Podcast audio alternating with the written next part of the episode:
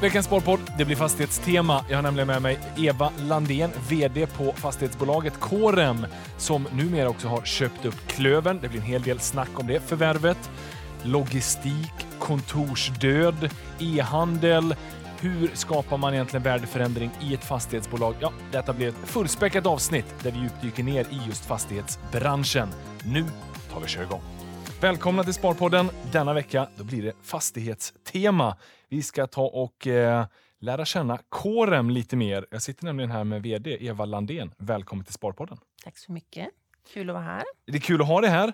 Som jag förstår det är nästan lite poddpremiär också. Absolut, första gången. Ja. Och eh, det är ju lite extra roligt då. då jag hoppas att, eller jag är fullt övertygad om att det här kommer bli alldeles utmärkt. Men det är ju inte...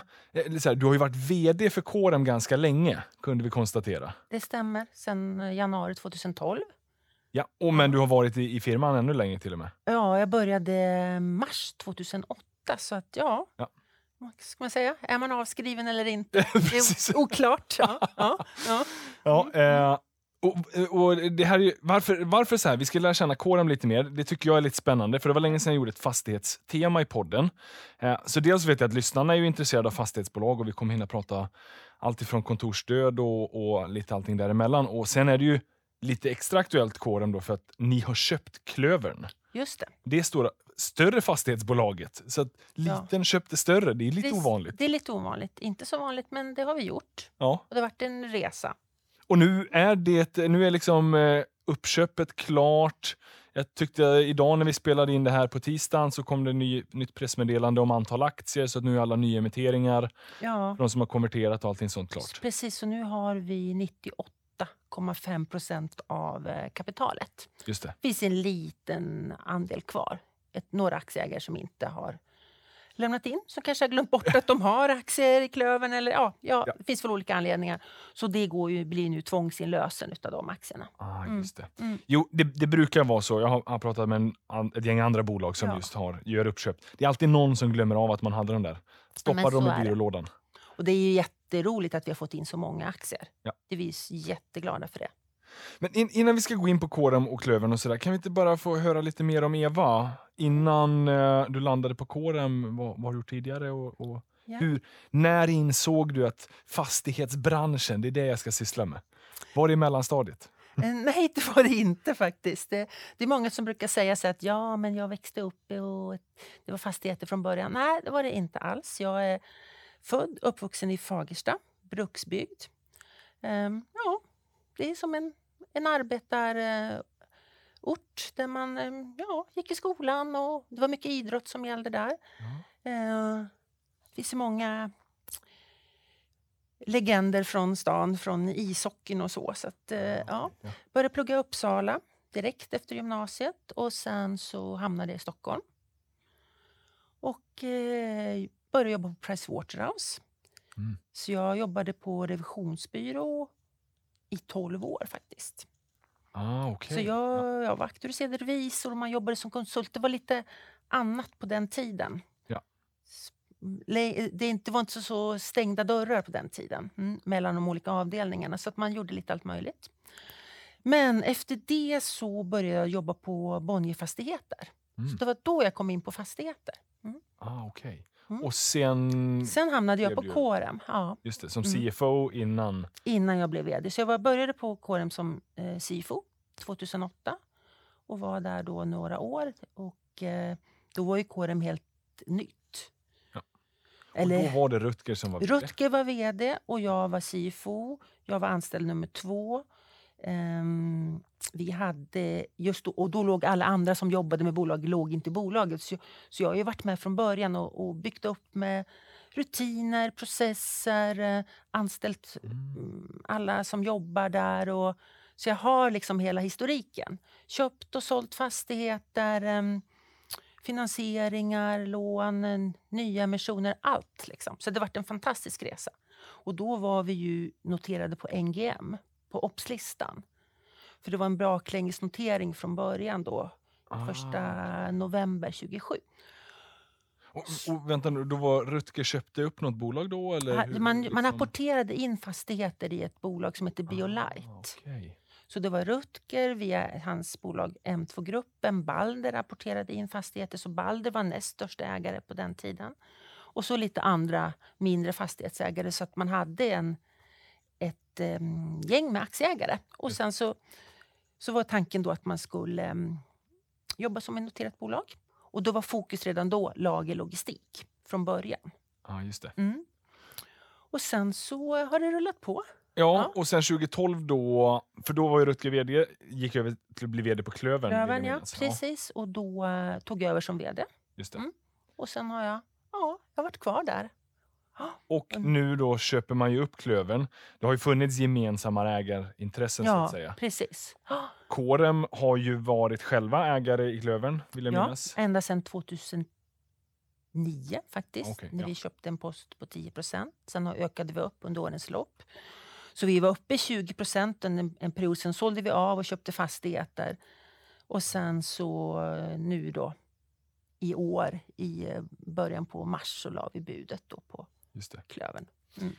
Varför gör man som fastighetsbolag så? Varför äger man lite eh, aktier i andra fastighetsbolag? Eller är, ser man det ofta som diversifiering i verksamheten? Eller kan det finnas andra anledningar?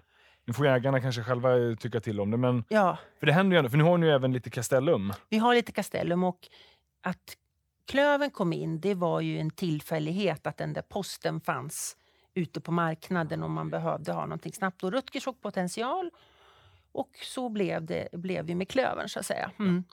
Att vi har eh, Castellum och vi har även haft andra poster också. Det var ju att sommaren 2019 gjorde vi en större försäljning, en ganska stor renodling där vi sålde av 25 procent av beståndet faktiskt till Blackstone. Det. Och då hade vi ganska mycket likviditet. Ehm, vi kunde inte ha pengarna på banken. För då får man, fick vi betala ränta för att ha pengarna på banken. Och dessutom så vill vi inte amortera för mycket heller. För det är bättre att ha sina lån kvar. Ja, och då, det, då bestämde man att ja, men vi investerar lite aktier. Men det har vi sålt av, så det enda posten vi har kvar nu det är några procent i Castellum. Just det. Mm. Det är ju intressant. Det är klart, eh, som fastighetsbolag, man Mm. köper fastigheter, man säljer fastigheter och får loss pengar. Eh, och istället för att dela ut dem då kan man ju använda dem. Ja. Investera i andra rörelsebolag och sen ja, använda som diversifiering. Sen kan man ju sälja dem när man Ja, man kan sälja om, man behöver, om vi skulle behöva likviditet. Just det. Och så. Mm. Och vi, det som är lite aktuellt för er nu, då, det, jag antar att ni har jobbat på Mm. ganska intensivt under hela året, är ju den här affären med Klövern. Ni Mm. köper upp dem. Och jag tänker att vi kanske också ska kunna prata lite om fastighetsmarknaden i stort. Det känns som att den håller på att konsolideras lite. Det är ju fler än ni som gör rörelsetransaktioner. Mm. Eh, Castellum och Kungsleden är ju i, Det är också på tapeten, på tapeten nu. så att säga. Eh, det har ju skett en del andra. Ja, ja. Det är många bolag som noteras, Ja. som vill in, som kanske ligger på de mindre listorna, som vill in på, på, på större listor. Så att, ja, det, det rör ju på sig. Liksom. Mm. Mm. Och varför, varför är man intresserad av det? Är det liksom synergier klart? Det, det kan ju finnas operativa synergier man vill få ut. Mm. För det finns ju ändå en del fastighetsbolag är ganska olika varandra. Men till syvende och sist handlar det liksom det är storlek. Ja, ja. Det är liksom Man behöver bli stor. Ja, det är biggest beauty. Liksom. Det är verkligen så. Man behöver storlek för att då kan man jobba mer effektivt och dessutom så kan du få ner finanskostnaderna. Ja, det, ja, det är klart, Mm. det är så enkelt. Det är egentligen det som är den stora Ja. klon i det hela. Mm. Och finansieringskostnader. De flesta fastighetsbolag har ju en belåningsgrad Mm. mellan 20 upp till 50 procent kanske. Mm. Varierar ju Ish. givetvis. Ja, Ish. precis. Eh, hur, hur mycket kommer man bli påverkad när eventuellt räntan stiger? Gör ni sådana funderingar, beräkningar? Sitter ni på hem, liksom, svaret när räntan Sitter kommer vi på stiga? kammaren och räknar? Ja. Ja. Jo, men det är klart vi gör. Man måste ju göra känslighetsanalyser och se vad man har för risk. Liksom. Mm, så är det. Och, men nu är ju trenden att man går mot investment grade rating. Just Att det. man har en, en, liksom, en, en rating och då får man ner räntekostnaderna. Och det gör ju också att belåningsgraden hos de flesta fastighetsbolagen går ner för att man ska få den här IG-ratingen. Och både för mig och för lyssnarna Mm. nu, eh, man, man är ju van vid de här ratingserna på obligationer. Just det. Och är det det vi pratar om, eller Ja, en rating på hela bolaget? Ja, det, det, det är en rating på bolaget för att kunna få Obligationer. obligationer Just det. med så låg ränta som det verkligen är idag i och med att räntan är så pass låg. Och det är en stor skillnad mellan att vara ratad och inte ratad. Ah, okej. Så vi har ju som mål nu att vi ska gå mot IG-rating inom två år. Och vad, vad kan det liksom potentiellt sett ge i ränteskillnad? Hur, vad betalar ni? Jag- Nu vill jag sitta och jämföra mitt bolån mot er, men Ja. vad, vad betalar man? Ja, men det, är jätte, i det, det ränta. är en fantastisk skillnad idag. Ah, okej, Mm. ja. Och så får du mycket större tillgång till, eh, till kapitalet. För då kan du gå på eurobondmarknaden. Ah, okej. Mm. Det finns en större liksom, bas att få in. Men generellt sett, pratar, man, pratar vi ränta på 5% eller är det 2 Nej, men om, om du, det, du kommer ju ner på 1% om du Okej. går, eh, och lägre Ja. om du går på, på eurobondmarknaden. Mm. Ah. Sen beror det på vilken rating du har. Mm. Just det. Mm. Ja, men okej, då ser jag verkligen anledningen till varför man vill bli stor. Ja, så det, Större fastighetsbestånd, eh, och, och, men därmed då kan behöva låna upp mer. just det. Men ju större det är, ju, ju lägre finansieringskostnad. Precis. Ah, Okej. Kåren som det är idag då, om vi ska prata Mm. lite om det. För Mm. tidigare så är min uppfattning i alla fall att Kåren det, det var ett logistikfastighetsbolag. Absolut. Sen fanns det lite kontorsfastigheter i rörelsen också, men, men det Ja. var fokus logistik. Fokus lagerlogistik, eh, jobba med citylogistik, citynära lägen. Eh, vi gjorde ju den här renodlingen då 2019 och då eh, vi, hade vi innan vi, vi och K- K- eh, Klövern gick tillsammans här nu då, så då hade vi fastigheter i Stockholm, Göteborg, vi hade lite Borås, vi hade i eh, Jönköping, Malmö och även två fastigheter i Köpenhamn. Okej. Allt annat hade vi sålt av. Mm. Så att i Stockholm så har vi fastigheter som ligger med två mils radie från city. Lite mindre fastigheter, någon lite större, där eh, går snabbt. Transporterna går snabbt in till stan. Och likadant i, i Jönköping, ja men då är vi på Ljungarum. Det ligger strax utanför stan. I Malmö så är vi i områdena utanför liksom kärnan. Ja. Där man kan köra snabbt in, lasta om och så vidare. Med massor av olika hyresgäster. Mm. Mm. Och vilken är den typiska kunden? Är det ofta retailbolag som säljer produ- produkter eller är det någon eh, speditör? Eller vad är det? Det kan vara blandat. Vi har Okej. både liksom stora speditörer, vi kan ha någon mindre hyresgäst eller någon mindre ny e-handel som, som är coming e-handel. Ah. Vi har haft ganska många mindre e-handlare som ja, kanske de växer ur lokalerna. Och då försöker vi hitta en ny lokal åt- dem inom vårt bestånd. Eller också så kan- får vi, kan vi inte ha dem kvar, får vi släppa dem. Liksom. Eller också kan vi bygga nytt.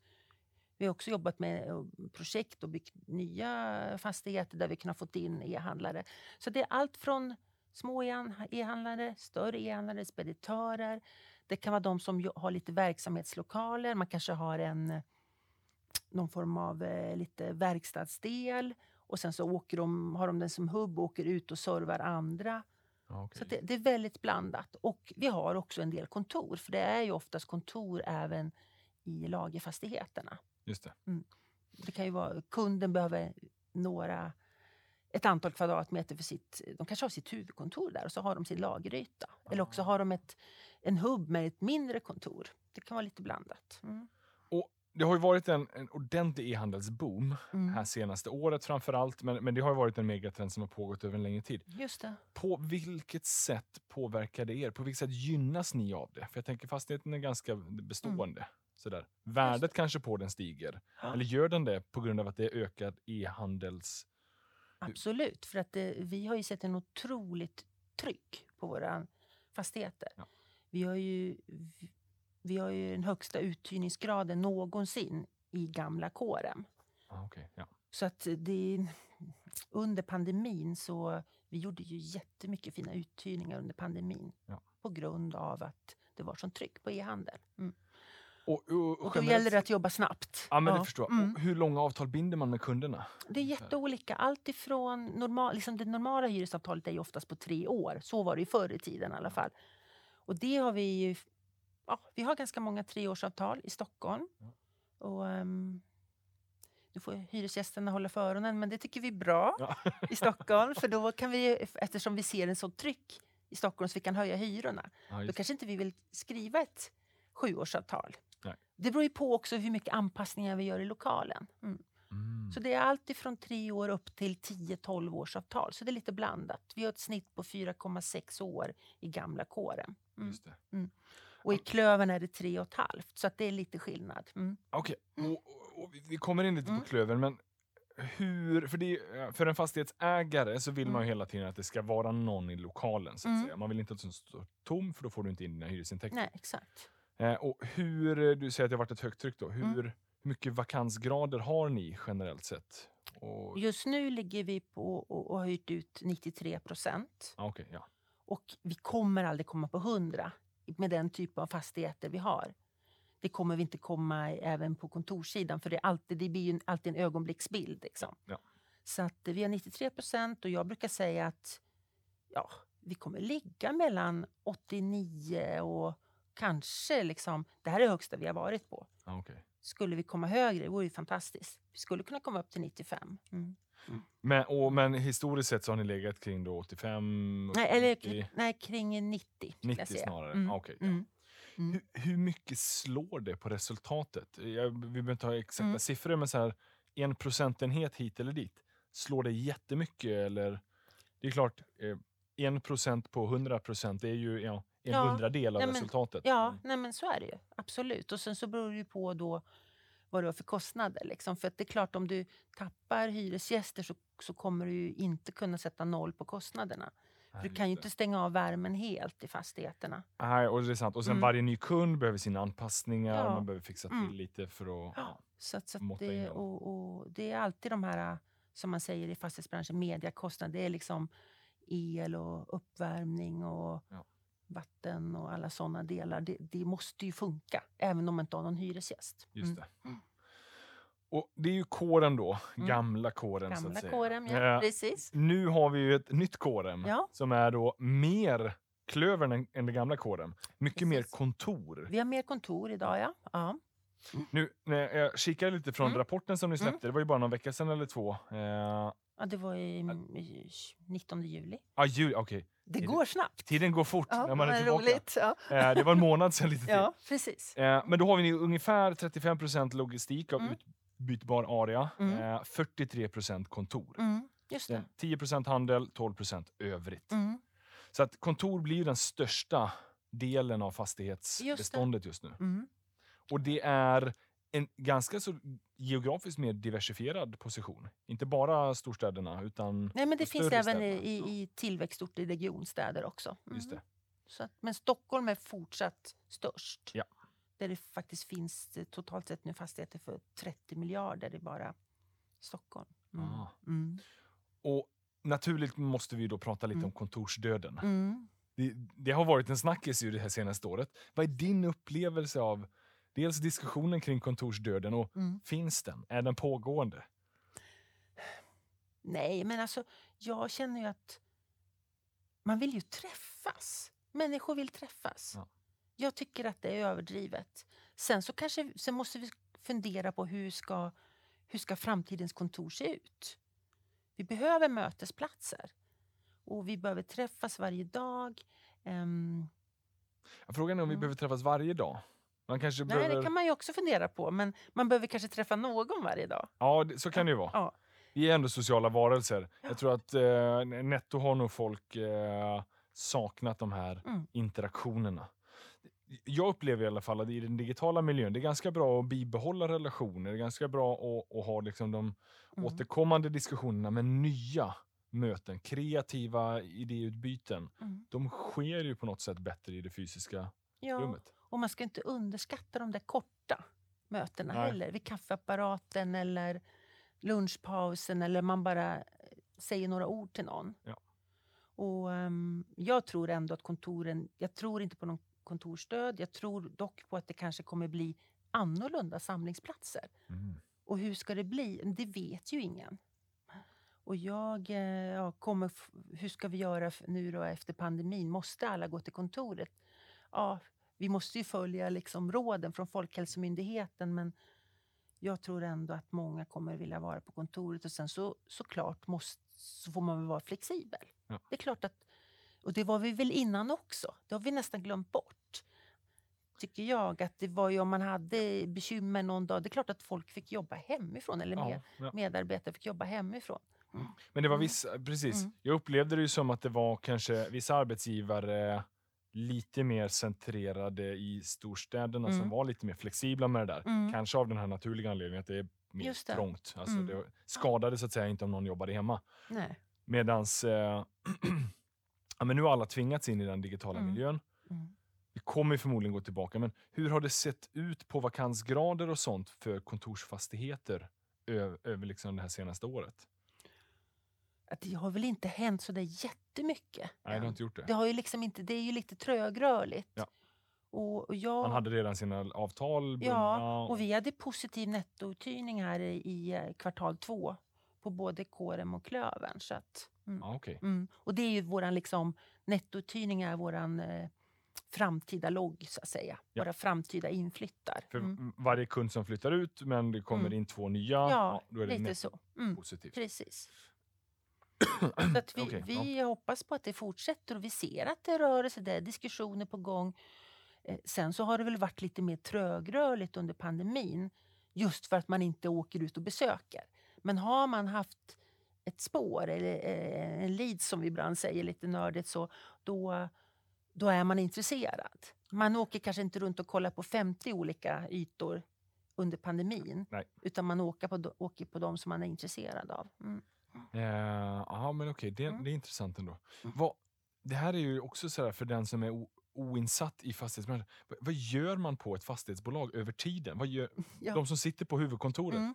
För jag- jag, ser framför mig att vi, varje fastighet har sin fastighetsskötare och sånt där som tar hand om det fysiska. Men, Just men det. vad gör ni på Vad gör vi på kontoret? huvudkontoret? Ja, det kan man fråga sig. ja, ja, men det är klart att ute i fastigheterna, vi, vi jobbar ju eh, i, gärna i kluster av fastigheter där vi har ett antal fastigheter och så har, kan man ha ett, ett eh, lokalkontor. Och där kan det sitta då en förvaltare, några fastighetstekniker och, ehm, och de är ute och tittar på fastigheterna, skruvar på systemen och det blir ju mer och mer digitaliserat. Ja. Och det jobbar vi ju jättemycket med. Mm. Och där finns det en del kostnadsbesparingar då. Man kan få ner Absolut. lite Mm. el och värmekostnader. Mm. Man har generellt sett bara bättre koll på. Ja, och dessutom jobb, blir det ju mer och mer eh, energibesparingar. Ja, Det är ju jätteviktigt för det är ju också ett som, som vi jobbar med i, i branschen då med hållbarhet. Just det. Och det är ju liksom den största delen att få ner energianvändningen ute i fastigheterna. Mm. Ja. Mm. Och sen på kontoret, ja men vi har ju den största kostnadsposten det är ju lån, det har vi pratat om här. Ja.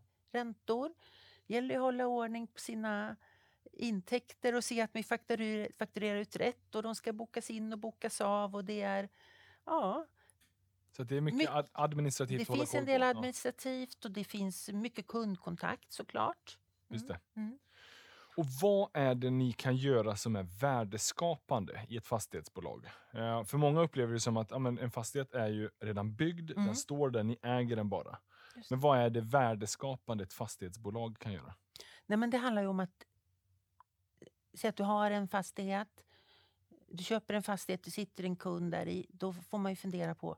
Ja, de sitter ju där och tiden tickar på. De betalar hyror. Vad kan vi göra sen? Om hyresgästen flyttar, ja, då måste vi ha en plan. Vad ska vi göra där? Hur ska vi kunna eh, få upp värdet på den? Ja, men då kanske vi kan ju, göra ett projekt. Vi kanske kan bygga ut den lite grann. Då får vi lite mer yta. Um, man kan... Eh, det handlar om läge, ska jag säga. Var ligger fastigheten? Och där kan vi då få upp värdet. Just det. Mm.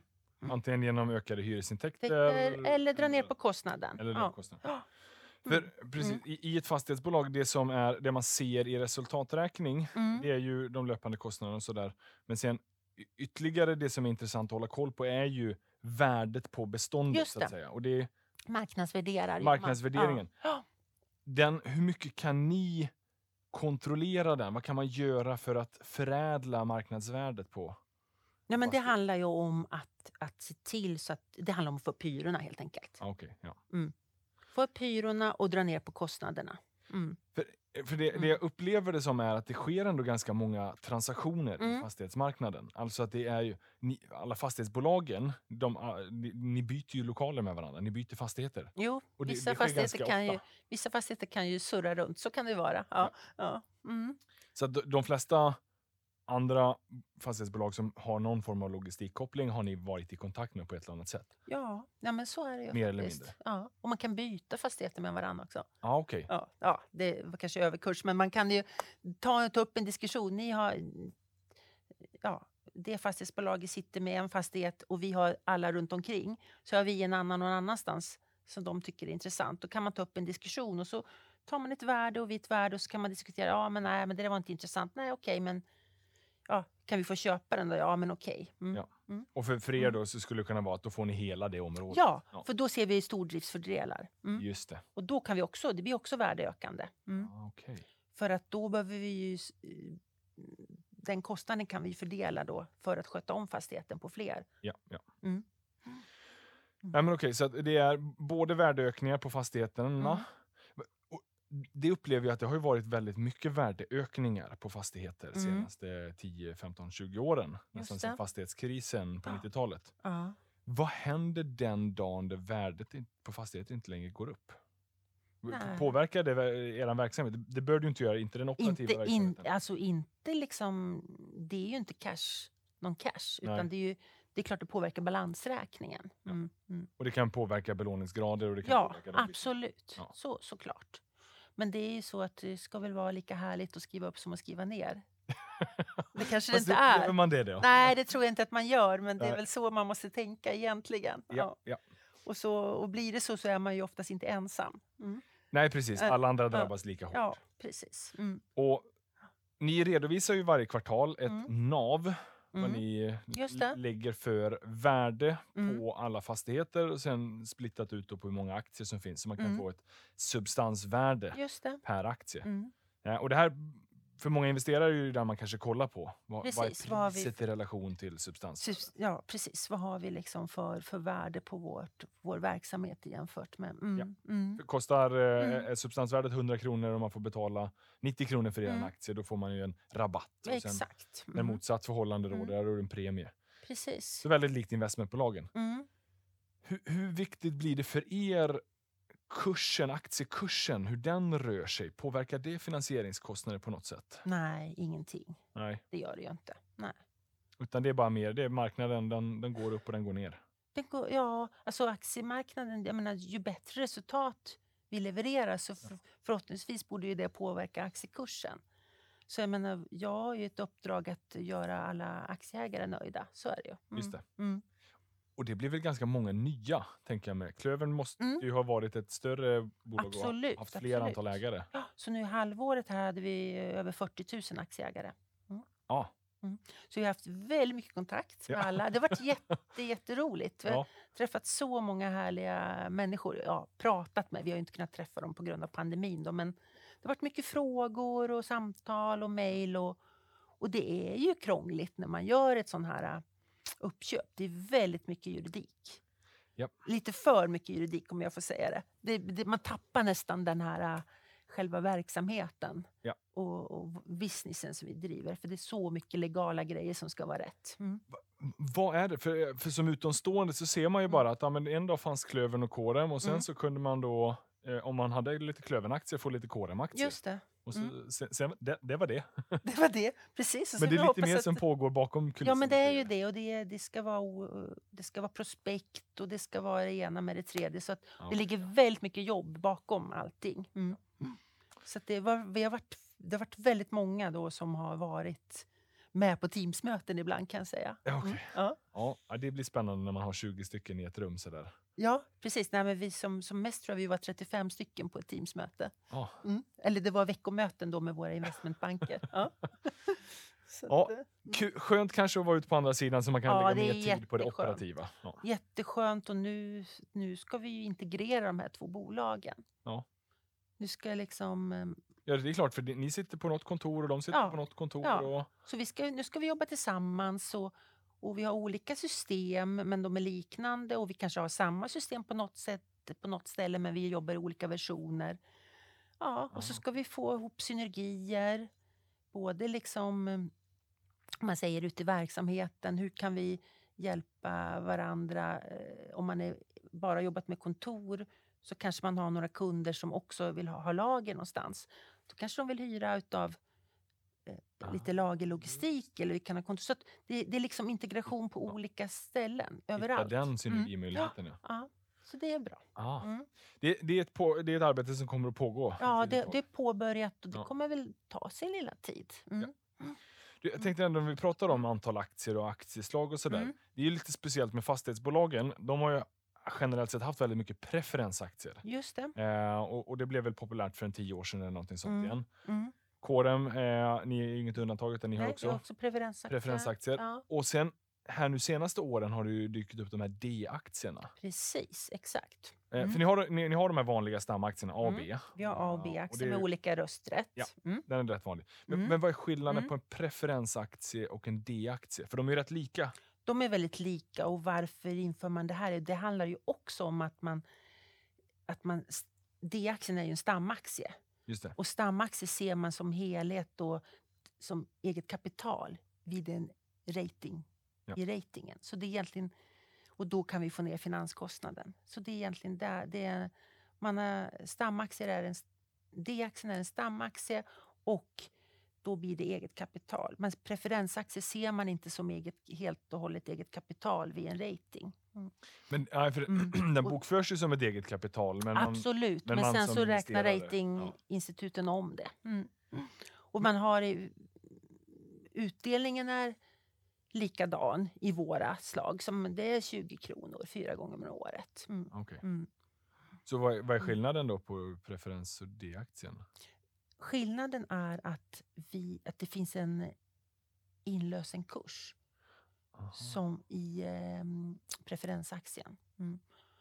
Medan D-aktien är tänkt att löpa på. Ja, precis. Och, den här, och den är ju, vi tänker ju också att preferensaktien ska löpa på. Men vi skulle kunna lösa in den. Ja. Mm. Mm. Och det tror jag vi inte kommer att göra. Men, men eh, Eller vi kommer inte göra det kan jag säga. ja, inte, Nej. inte just nu i alla fall. Nej, det, det ska mycket till för att det ska göra så. Mm. Ah, okej. Mm. Men- Och varför har man då flera? Är det mer bara av historisk anledning? Att man började med preferensaktier och sen... Ja, det var, men man såg det som en bra, För- bra lösning då. Nu- är jag väldigt utomstående här Mm. och eh, Mm. kanske liksom blottar min okunskap. Men, men jag tänker mig liksom att därför någonstans 7, 8, 10 Mm, år sedan så mm. kände jag att det upplevdes som att nu började det poppa upp preferensaktier. Mm. Och det här var ju ett sätt för fastighetsbolagen att stärka det egna kapitalet för att kunna eh, få bättre lånevillkor. Absolut. Sen då så insåg ratingbolagen att ja, men vänta nu, det är inte riktigt eget kapital. Det där är ju typ lite lån också. Typ ett lån tyckte de att Ja. det var. Delvis lån liksom. Mm. Och Mm. Mm. Då räknade de bort det och så nu tänker fastighetsbolagen fast vi vill stärka vårt eget kapital så nu är vi D-aktier. Ja. Mm. Hur lång tid tar det innan ratingbolagen inser att de är också lån då? Eller kommer de inte göra det? Nej, det kommer de inte göra. För det handlar om vad som står i bolagsordningen och med, Jaha. med det här med inlösen. Mm. Mm. Men, Mm. men varför gjorde man inte bara D-aktier först? Jag tror inte man kommer väl inte på det då. Nej. Nej. nej. För det är lite så jag Ja. upplever det, att Ja. något fastighetsbolag Mm. börjar Mm. och sen så ser alla de andra, oj det där funkar ju. Mm. Alltså det där kan vi göra också. Mm.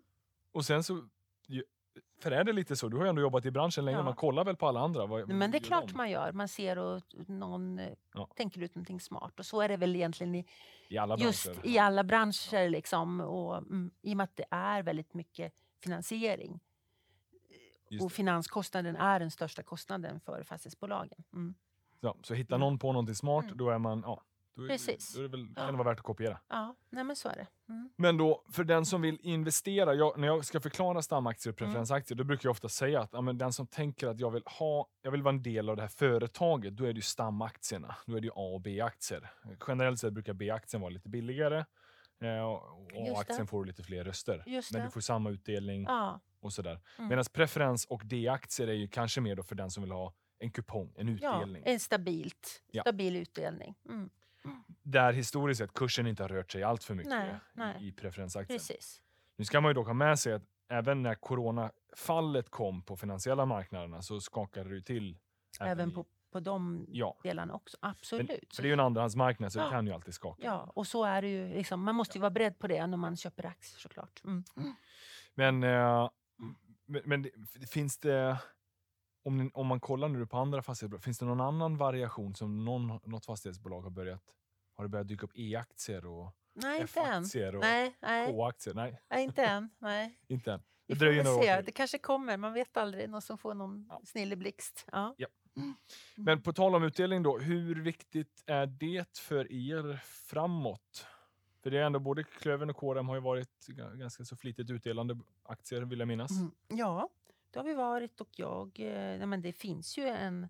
Om man satt en Immu- utdelningsmål. Ja, vi har ju sagt att vi ska dela ut 35 procent av eh, förvaltningsresultatet Just det. minus då utdelningen på um, preffar och eh, D-aktier. Mm. Ja. Mm. Så det är vårt, liksom, vårt mål. Vi ska långsiktigt ligga på det. Mm. Just det. Mm. Eh, och överlag, ja, men fastighetsmarknaden, om vi är inne och pratar lite om det där. Vad är din känsla? Vad, vad, finns det liksom några trender eller någon sån här spaning? Alla fastighetsbolag håller alltid på med lite olika grejer. Mm. Mm. Ja, men jag upplever ändå att ibland så... Det, det är lite hetare med logistik just nu, i Mm. e-handel och hela den boomen.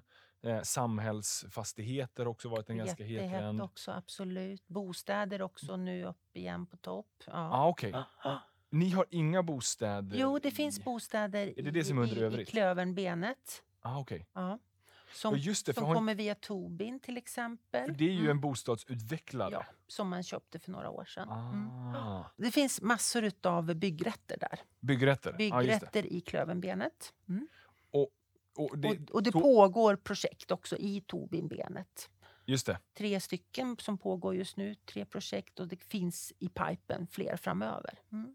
För hur mycket är ni med i sån, alltså nybyggnation av fastigheter annars? Ni har ju, det är ju då Tobin via Klövern som det Mm. finns som ett eget bolag, men Ja, eller det är ett dotterbolag. Det är ett dotterbolag, Och så ja. finns det även eh, byggrätter inom andra delar på Klövern också. Men sen så har vi ett, massor av andra projekt som pågår också. Ja. Vi i Uppsala till exempel, Uppsala Business Park, som är ju eh, mer åt läkemedels-science-hållet. Där är också stora projekt som pågår. I gamla Kårenbenet så har vi byggt ett antal eh, logistiklådor. Ja. pågår också lite projekt. Vi har precis färdigställt en em, eh, lagerbyggnad i Järfälla i Veddesta. En trevånings lagerbyggnad. Den är Ah, ganska okej. cool. Oh. Ja. Mm. Så, det, så det pågår ju lite överallt projekt och det är där också som vi har väldigt mycket värdeutveckling. ah, okej. ja. Mm. I- i- För att man i- skapar värde med, att- och speciellt om man redan har marken sedan tidigare. Mm. Och det har vi haft i väldigt många lägen. Mm. Ah, okay. Och är det, är det en sån grej som för er då att man, ni, ni köper upp mark med ambitionen att kunna bygga eller i värsta fall kanske man får sälja vidare ändå, men, Så kan man också göra. Men är det bara att ni äger mark och styckat av? ja, det kan vara så att vi till exempel har en fastighet. Och då är det en byggnad i ena delen så är det ganska mycket mark på andra delen. Då kan man bygga en byggnad där också. Mm. det. Har vi gjort i flera case. Mm. Eller att det är fastigheter som i princip ska rivas och så bygger man om. Mm. Mm. För att utvecklingen går framåt. Liksom. Mm. Ja. På tal om det här med trevåningshus då. Mm. Eh, hur, eh, hur teknikframkant ligger vi med logistiklösningar i Sverige? För jag tänker, det måste ni ha en ganska bra inblick i. Mm. Har, vi, har vi några ganska spännande user case Nej, men det finns det ju. där Speciellt det blir mer och mer automatiserat, Ja. lite mer robotiserat? Verkligen. Och där har inte vi varit med och investerat i den här robotiseringen utan vi har ju byggt själva fastigheten och sett till så att allting annat är framdraget och så brukar hyresgästen då sköta själva robotiseringen. Ah, okej, okej.